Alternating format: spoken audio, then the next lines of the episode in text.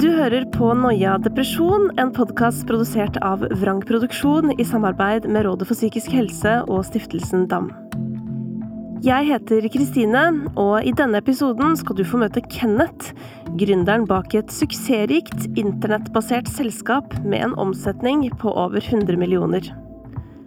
Som gründer består Kenneths hverdag av å løse problemer, men da han ble deprimert, opplevde han for første gang å ikke vite hva løsningen på problemene var.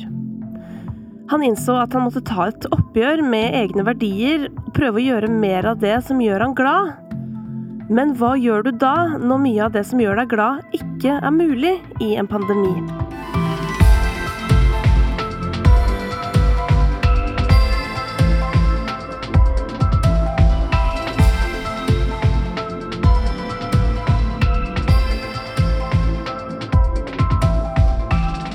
Jeg heter Kenneth. Jeg er 34 år gammel, og jeg har vel bygd selskaper siden jeg var 18 år gammel. Holdt på med forskjellige startups og forskjellige prosjekter. I dag har jeg et uh, selskap som uh, jeg kaller at det er uh, polysentrisk. Vi holder til i Australia, USA og Filippinene, og så sitter jo jeg i Norge da, og driver alt sammen herfra. Vi bygger internettbaserte bedrifter, stort sett nettbutikker, og investerer i egentlig lite mylder av gode og dårlige ideer. Ikke sant. Men hvorfor er du her i dag da, Kenneth? Jeg ble jo invitert til å snakke litt om depresjon. Mm. Jeg har De siste to årene mine har gått fra å være på toppen av livet til, til å egentlig raskt nå en bunn som jeg aldri har opplevd før. Mm. Men eh, kan jeg spørre deg, hva, hva tenkte du om depresjon eh, før du fikk det selv? jeg hadde en veldig Jeg hadde Jeg kunne jo opplagt ikke mye om det, det er jo det jeg ser nå, men jeg tenkte på det litt som sånn langtidsfurting. Når du ikke visste hvordan du skulle løse dine egne problemer. Jeg har vært vant til å klare å løse de aller fleste problemer i livet mitt. Mm. Um, men, men, så jeg tenkte hele tiden at depresjon, det var, det var når du ikke klarte det. Så det var litt sånn furting. Mm. Men det er jo opplagt ikke det jeg tenker uh, nå lenger. For jeg fikk gåsehud på armene nå. Det er sånn sted jeg får gåsehud bare veldig, veldig sjelden. Fordi at um, det, er, det, er, bare så ekstremt rart hvordan det forandrer ting når du kjenner på det selv. Ja, det er så mange andre ting i livet. Du jeg klarer ikke å sette ord på hvordan det er å være deprimert til noen som ikke har opplevd det. Mm. det jeg gidder egentlig ikke prøve lenger engang. Mm. Men de som har opplevd det, de, eller de som kanskje tror de, de går gjennom det, mm. de, de, forstår hva man mener. Mm. Hvis Kenneth skulle prøvd å se for seg hva en depresjon var for noen år siden, så hadde han nok ikke klart det. For før han ble deprimert, så beskriver han livet sitt som peak life livet mitt var så Jeg har aldri hatt det bedre enn jeg hadde det frem til juni 2019. Mm. Um, jeg hadde bra helse. Uh, selskapet gikk bra. Vi har ingen banklån eller eksterne investorer, så det var ingen som Jeg skylder ingen noe. Um, jeg styrte stort sett mitt eget liv, og på det tidspunktet så kunne jeg jo reise. Jeg, de tingene jeg likte å gjøre, kunne jeg gjøre. Veien fra toppen til bunnen var kortere enn Kenneth hadde forestilt seg. Det som begynte med en rolig business and pleasure-reise til Australia, endte i en mental krasjlanding. Det var første gang jeg var på en jobbreise hvor jeg ikke hadde et eller annet jeg skulle fikse. Det var egentlig bare en rutineting, og jeg er glad i Australia, så drar jeg gjerne ned dit. Hadde egentlig ikke gjort så mye fornuftig den perioden jeg var der nede, vært litt mer sånn ferier enn vanlig. Eh, jeg skulle også bli far for første gang, og hadde fått den beskjeden et par dager før jeg gikk på flyet ned til Australia. Så jeg, jeg gikk liksom bare rundt der, australsk sol, og koste meg, spiste god mat, um, og var veldig glad. Og så starta det. Det starta med at jeg følte meg helt fin, og så hadde jeg det som føltes som en kul, en klump, på innsiden av halsen, sånn bak adamseplet, ble jo vel, naturligvis veldig nervøs når man, når man opp, føler noe sånt. Tror jo det er eh, alle verdens og gale ting. Og når man spør Google, så bekrefter jo Google at eh, man skal dø. um, var veldig syk, og når jeg ble etter hvert veldig syk, og når jeg fløy hjem fra Australia, så uh, ble jeg nesten lagt inn på sykehus i Hongkong, men klarte å snike meg ut av det på flyplassen. Um, satt med en lege på flyet når jeg fløy fra Hongkong hjem til Europa. Og første jeg gjorde når jeg landa i Norge, var å komme på Aleris rett inn på en time der. Der ble jeg fortalt at jeg har en, et virus, en barnesykdom vanligvis, som kalles RS-virus. Helt ufarlig. I det syv dager, så er du frisk igjen. Månedene gikk, og, og, ting ble egentlig verre, sånn at jeg var sånn nummen i halve, hodet og begynte å følte synet var litt uklart og kontinuerlig tett i halsen, veldig store pusteproblemer. Jeg bor i fjerde etasje uten heis, og den trappen, den føltes mye lenger enn fjerde etasje. Eh, og så går det vel kanskje seks måneder, og så har jeg vært hos flere leger, flere typer spesialister, og alle bare stress ned, er den beskjeden jeg får. Vi finner ingenting. Jeg tok MR og alt som var, finner ingenting. Du er frisk, men du stresser litt for mye. Få deg en hobby, gå en tur med hunden, alt mulig sånt.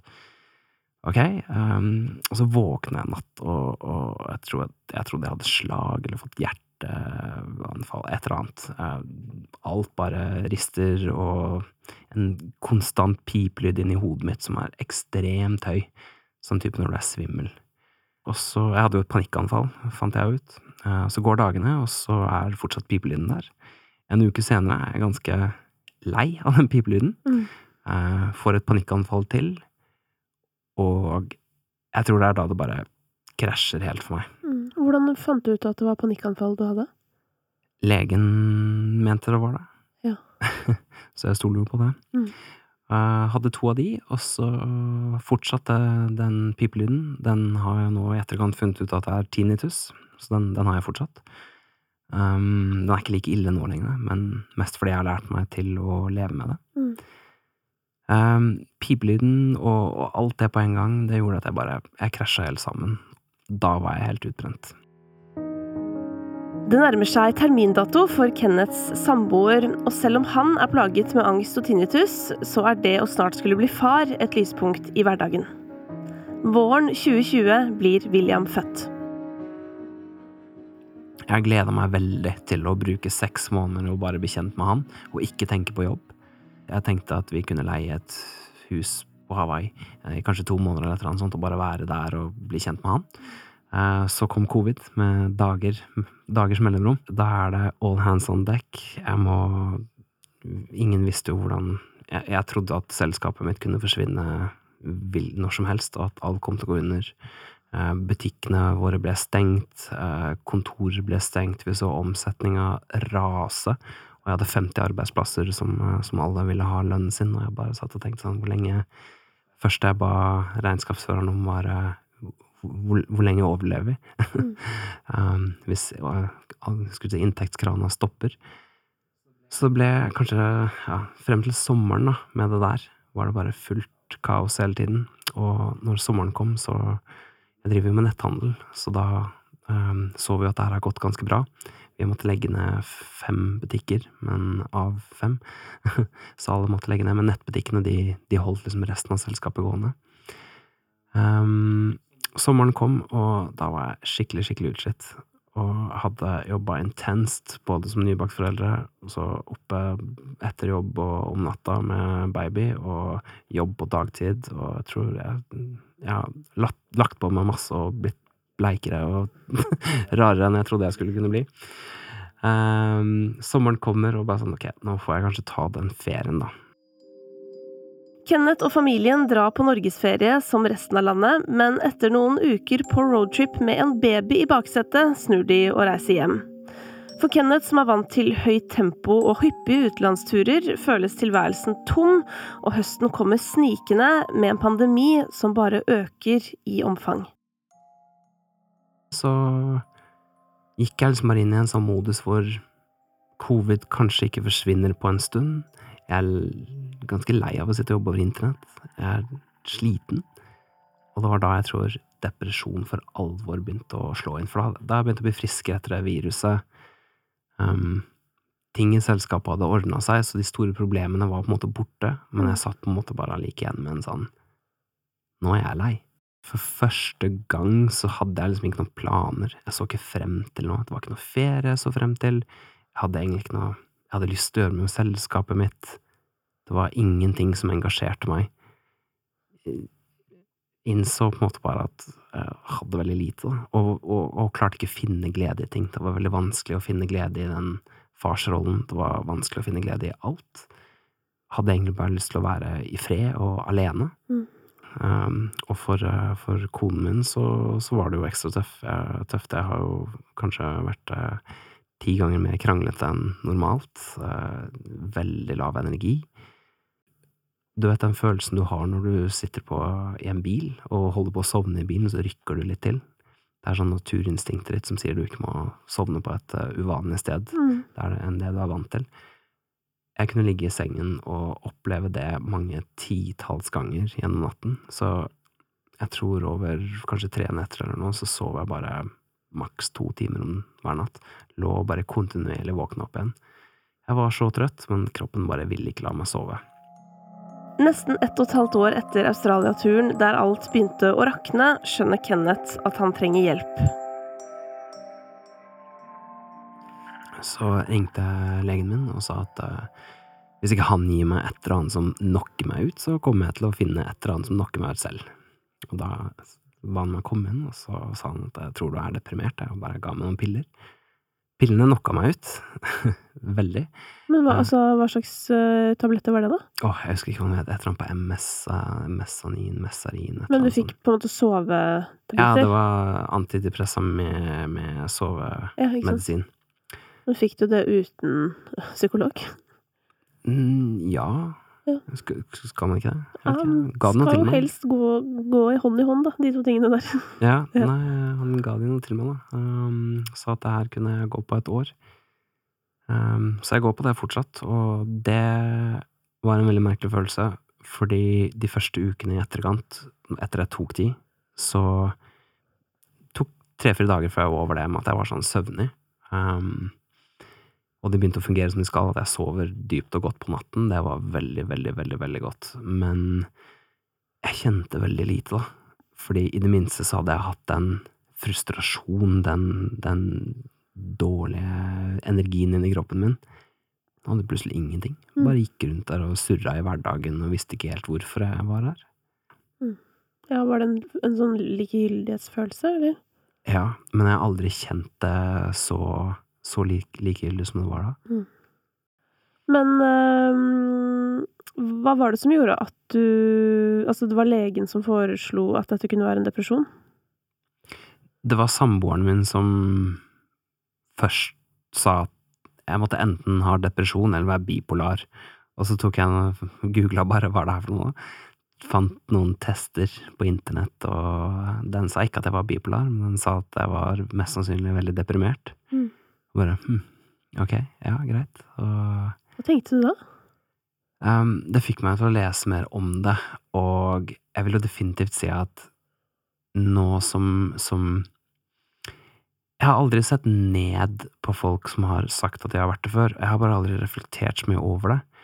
Jeg kommer fra et sted og en familie hvor følelser aldri har vært veldig diskutert. Det har liksom vært øh, et spekter mellom glad og sint, og bare noen nivåer av det, og jeg har ikke kjent til så mange andre følelser enn det. Så jeg er, ikke, jeg er ikke vant til å kjenne på mine egne følelser. Og det å da få depresjon Nei, få diagnosen at jeg var, hadde en depresjon, det, det, det var egentlig godt. Og det har egentlig satt meg ut på en sånn reise for å forstå følelser bedre. Forstå følelser i andre, forstå følelser i meg selv. Og jeg har lært veldig mye. Mm. Um, jeg hadde vel egentlig startet med det litt før det her skjedde òg. Um, for å forbedre forholdet og prøve å bli en bedre person. Men det var, det var egentlig godt å få det. Å Mm. få en offisiell diagnose og en lege som sier at jeg har det. Da har jeg liksom nådd en bunn. Jeg vet hvor jeg er. Jeg har, det er jo masse litteratur om det her. Mm. Um, Ja, for det er en ting, skjønner du. det er en ting, Rent vitenskapelig. ikke sant? Ja. Og, og det, det hjelper meg å vite Ja. at det er. Men det er jeg nysgjerrig på, for at du altså, Hvis det var da samboeren din som først på en måte begynte å, å lure på om det kunne være at det var noe psykisk, da, som var um, Som plaga deg. Vet du hva ved din atferd som gjorde at hun begynte å lure på det? Altså, hun hun, sa, hun, hun, hadde jo påpekt over noen uker, kanskje, i forveien at, uh, at jeg var veldig nedfor, at jeg var uvanlig negativ til ting. Mm. At den personen hun trodde jeg egentlig er, den som løser ting, når jeg vet hva svaret er, så er det jo enkelt for meg. Da er det jo bare å bruke sin egen selvdisiplin til å gjøre det, men det var ikke der lenger. Jeg er veldig glad i å lage mat og eksperimentere med å lage nye retter fra forskjellige kulturer og sånt, og jeg gidder jo ikke det lenger heller. Så alt det forsvant, og hun Hun var jo mer åpen for hva depresjon hva det er, mm. og definisjonen av det og alt mulig sånt, så hun så det vel kanskje klart som dagen. Mm. Mens for meg så var det sånn jeg trenger ikke fortelle meg at jeg furter. så det måtte nok til at jeg bare googla den, og satte meg ned med et åpent sinn og googla hva er det her for noe, og bare å ja, ja ok, ja, jeg tikra på alle de boksene her. Mm. Men jeg var jo jeg var jo ikke noe glad person å være rundt. Jeg var jo kranglete, lav energi, alle de tingene der. Men uh, det jeg blir nysgjerrig på, er jo sånn, du er jo en fyr, som du sier, du har liksom starta og drevet selskaper siden du var 18 år. Og du, jeg ser jo for meg at du kjenner deg selv som en slags Duracell-kanin, eller du vet sånn som alltid på en måte har et prosjekt, alltid har noe du har lyst til å gjøre. Eh, å kjede seg er sikkert ikke noe du har opplevd så veldig mye. Nei. Hvordan er det da når du opplever at du ikke har den gleden for jobben din lenger? Veldig rart. Man blir jo litt lost. Jeg, jeg ja, det, det, er en veldig rar følelse. Jeg har alltid vært drevet av at jeg har lyst til å gjøre ting. Jeg har ikke vært så veldig drevet av penger, men jeg har bare likt å bygge ting og utfordre meg selv og få til ting. Og det å ikke ha lyst til noen ting. Jeg har sett noen andre mennesker som ser ut til å stortrives i covid, og nyter tiden med familie og har det gøy og virker som de bare har masse ekstra tid og energi. Og i utgangspunktet så tenker jeg at jeg burde jo egentlig være den personen som fikser det her, og får til og finner ut hvordan jeg utnytter denne situasjonen her til mitt eget beste. Mm. Men det har jeg ikke klart, og det har vært en veldig rar følelse. Mm. Det tror jeg det er mange som kan kjenne seg igjen i, da, og på en måte ikke mestre eh, korona på en eller annen måte, fordi det er jo en situasjon, og vi alle er i den. Og det er som du sier, noen har det konge, og bare har virkelig funnet seg sjøl. Og det er jo nettopp det, for noen har det jo vært en anledning til å dyrke andre sider, ikke sant, ved seg selv, da. Mm. Mens for andre igjen, som du beskriver, så har det på en måte vært um, tatt fra deg alt det som kanskje holdt deg litt sånn i vater, uten at du visste det. Mm. Men det er jo det er, det er, egentlig litt interessant å høre altså, hvordan du beskriver det med reising, for at jeg har hørt måtte noen få andre også snakke til meg om det. Um, jeg har egentlig nesten vært litt sånn motsatt. Litt sånn 'Å, så deilig at vi ikke kan reise', for da slipper jeg å liksom føle at det er noe man må holde på med, uh, på, på, en eller annen måte. Egentlig litt fordi bare at jeg elsker å være hjemme, da. Så det liksom Det har nesten vært litt sånn Herregud, skal jeg få lov å være hjemme et helt år, hvis du skjønner? Mm -hmm. eh, men eh, jeg kan også kjenne på selvfølgelig savnet etter å reise liksom en helgetur, eller men, Mens for noen er jo dette en stor del av livet, som du beskriver, da. Å reise til Australia, da. Eh, det er jo til og med jobben din. Altså, du har jo det spredd rundt, da. Og det Det tror jeg også Det tror jeg mange liksom det er på en måte litt sånn en historie jeg ikke har hørt i media ordentlig, for det høres ut som reising kun er ferie. Og da er det jo lett å tenke sånn ja, men herregud, vi tåler å ikke dra på ferie i et år. Men så glemmer man at for noen er det kanskje noe mer. Jeg tror ikke det er mange som har det sånn, men jeg er nok litt annerledes. Jeg har flytta jeg vet ikke, kanskje 20-30 ganger i løpet av livet mitt. Um, og jeg, jeg, føler ikke at jeg har noen røtter noen sted. Altså, du Kanskje det er en ulempe, jeg vet ikke. Men jeg, jeg føler ikke noe tilhørighet fra der jeg vokste, vokste opp, eller her i Oslo, eller noe som helst. Så alt har vært litt flytende for meg.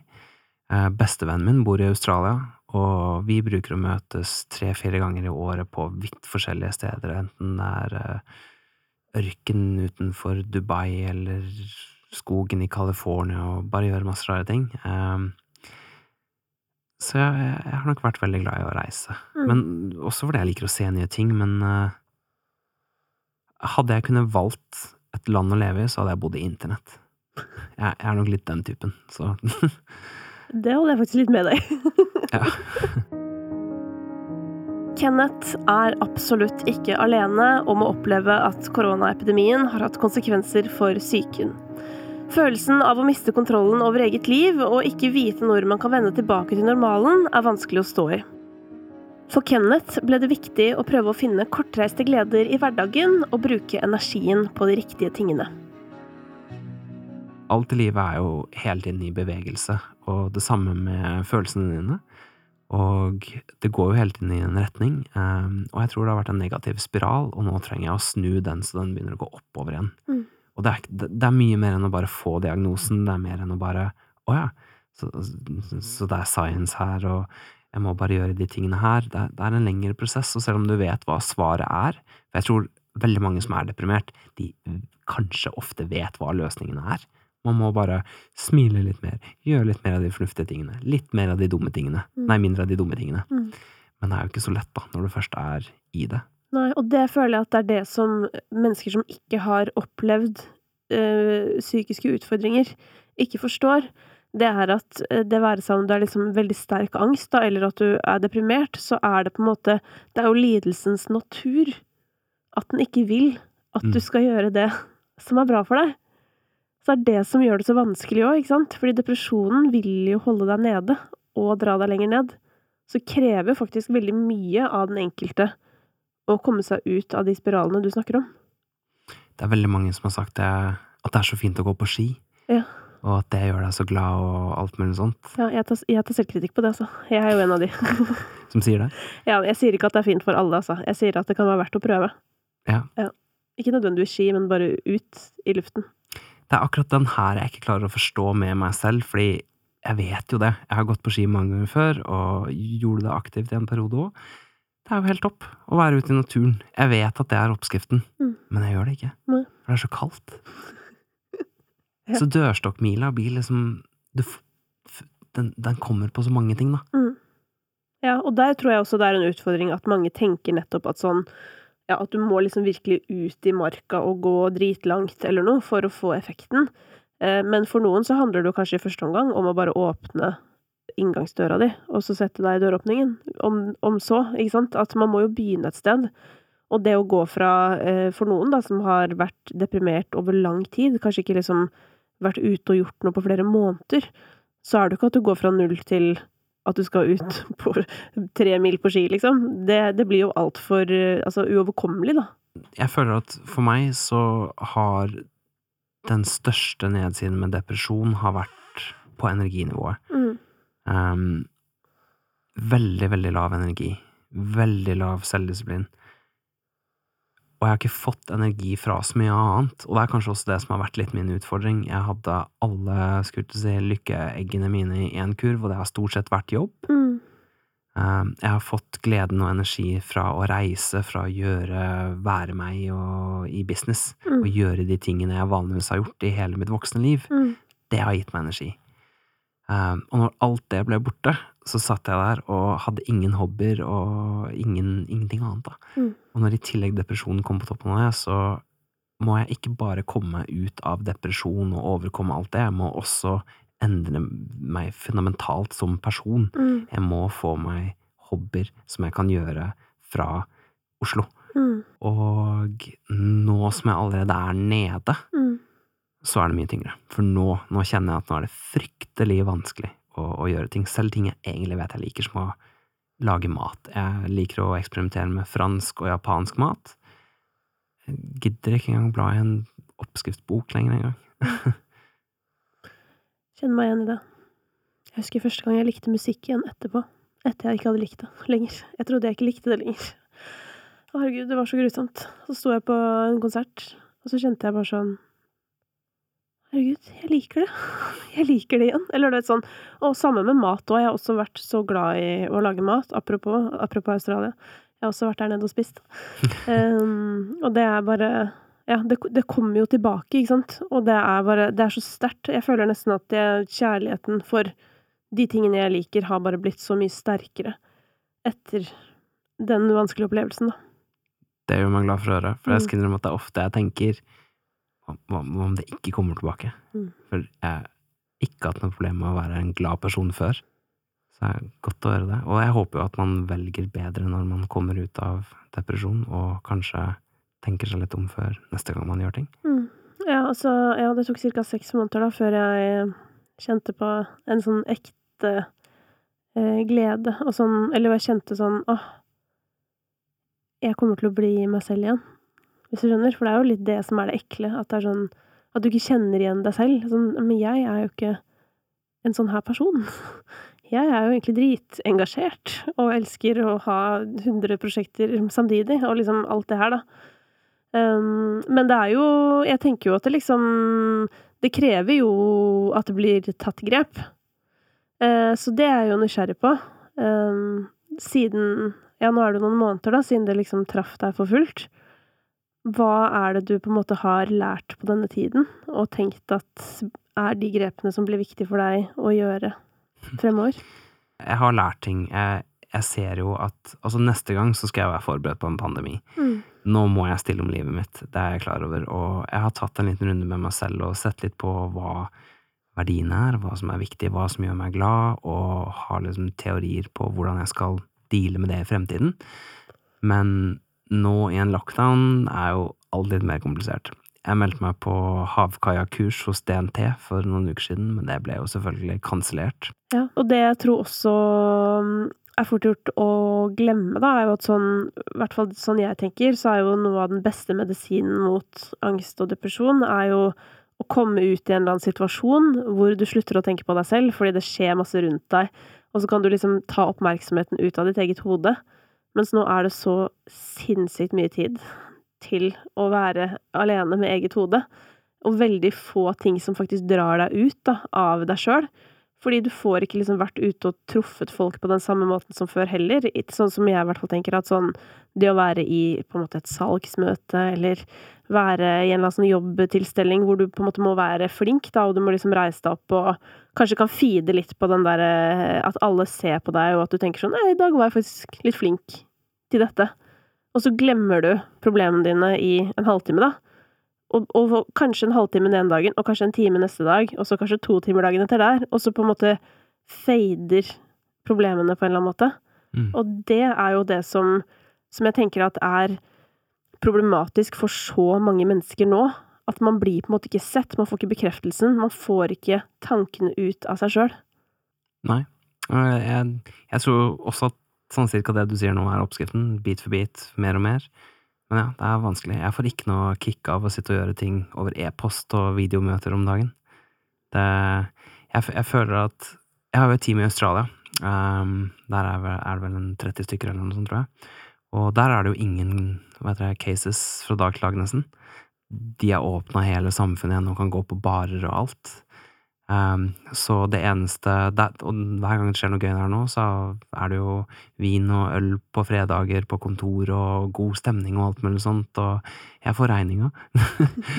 så hver gang noe er kult, så ser jeg liksom, leser, jeg, leser jeg det på Slack og Mm. ser litt bilder av at folk har hatt det gøy. Og så kan jeg gi en thumbs up på det. Ja. Uh, men når noe går galt, da kommer det jo på e-post, og da, da må jeg jo ta det inn, for jeg må jo være med å løse det. Mm. Så jeg føler at jobb har på en måte bare blitt en kontinuerlig strøm av eh, alt som kan gå galt, og alt som har vært bra, har på en måte vært en thumbs up en eller annen plass. Mm. Så covid og de, alle de restriksjonene vi har, gjør ting definitivt mye vanskeligere. Mm. Men, eh, men en ting som jeg ble glad for at du sa, det var jo dette med at du har um, Altså de grepene du faktisk har tatt, da. At du har prøvd å gjøre deg selv litt sånn klar over hva er, det, hva er verdiene dine, og hva er det som gjør deg glad. Hva er det som har eh, kommet ned på papiret av det som er verdiene dine? Alle.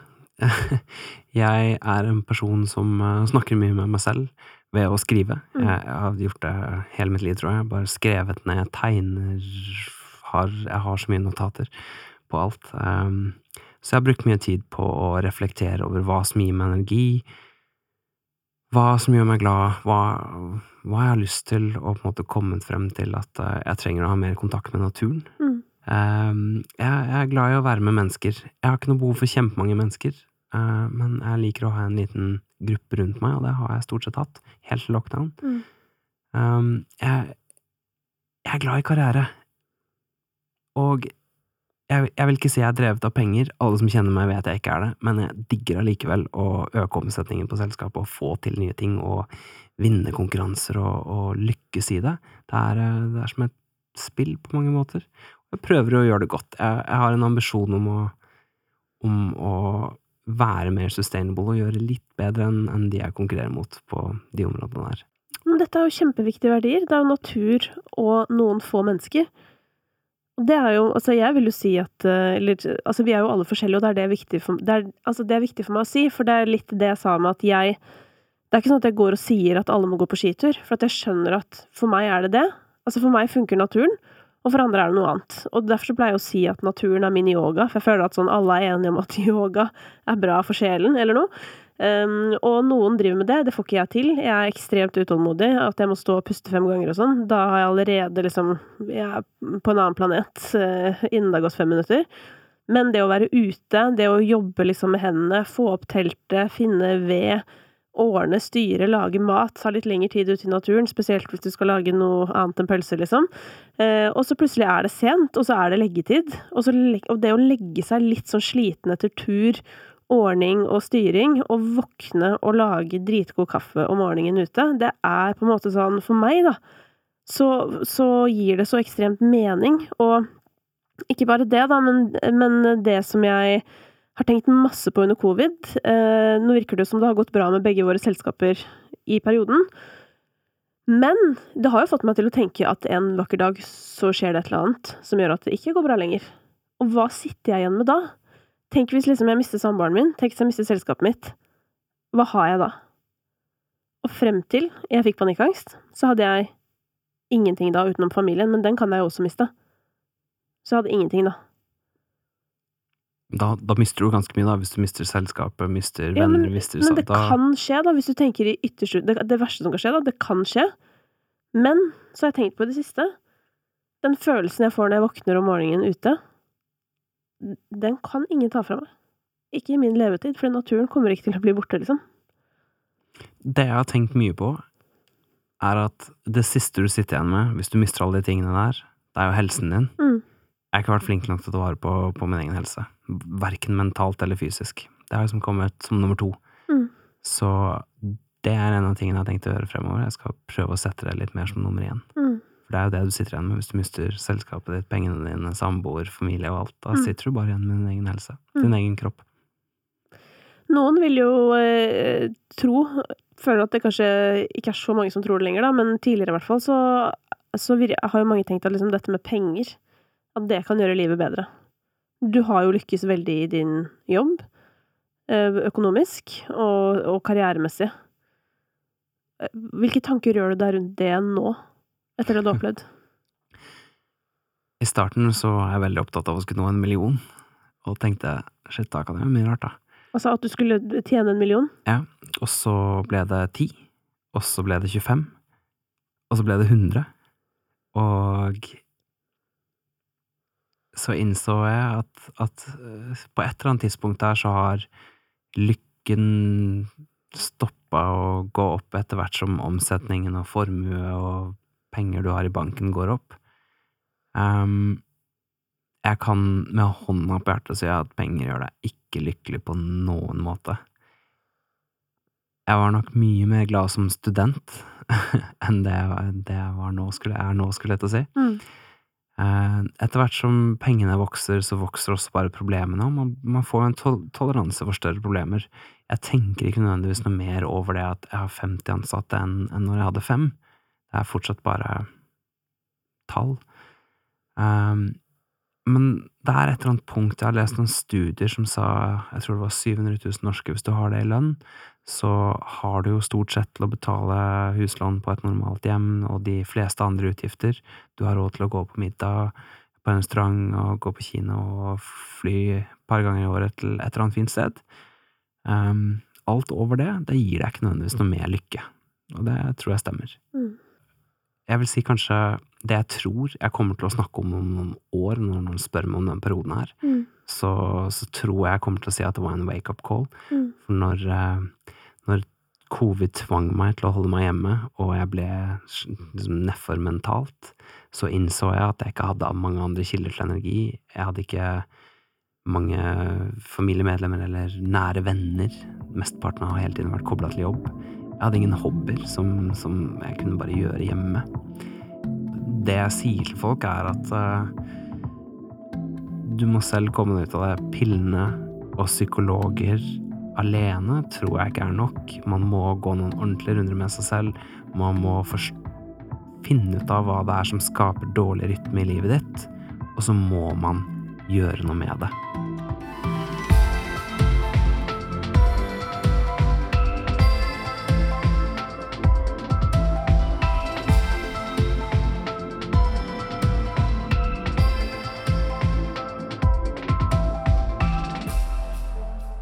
Tusen hjertelig takk for at du hører på Noia. Husk at det er mange flere episoder der denne kom fra. Og husk at hvis du har tilbakemeldinger, så kan du gjerne dele de med oss via noiapodkast.no.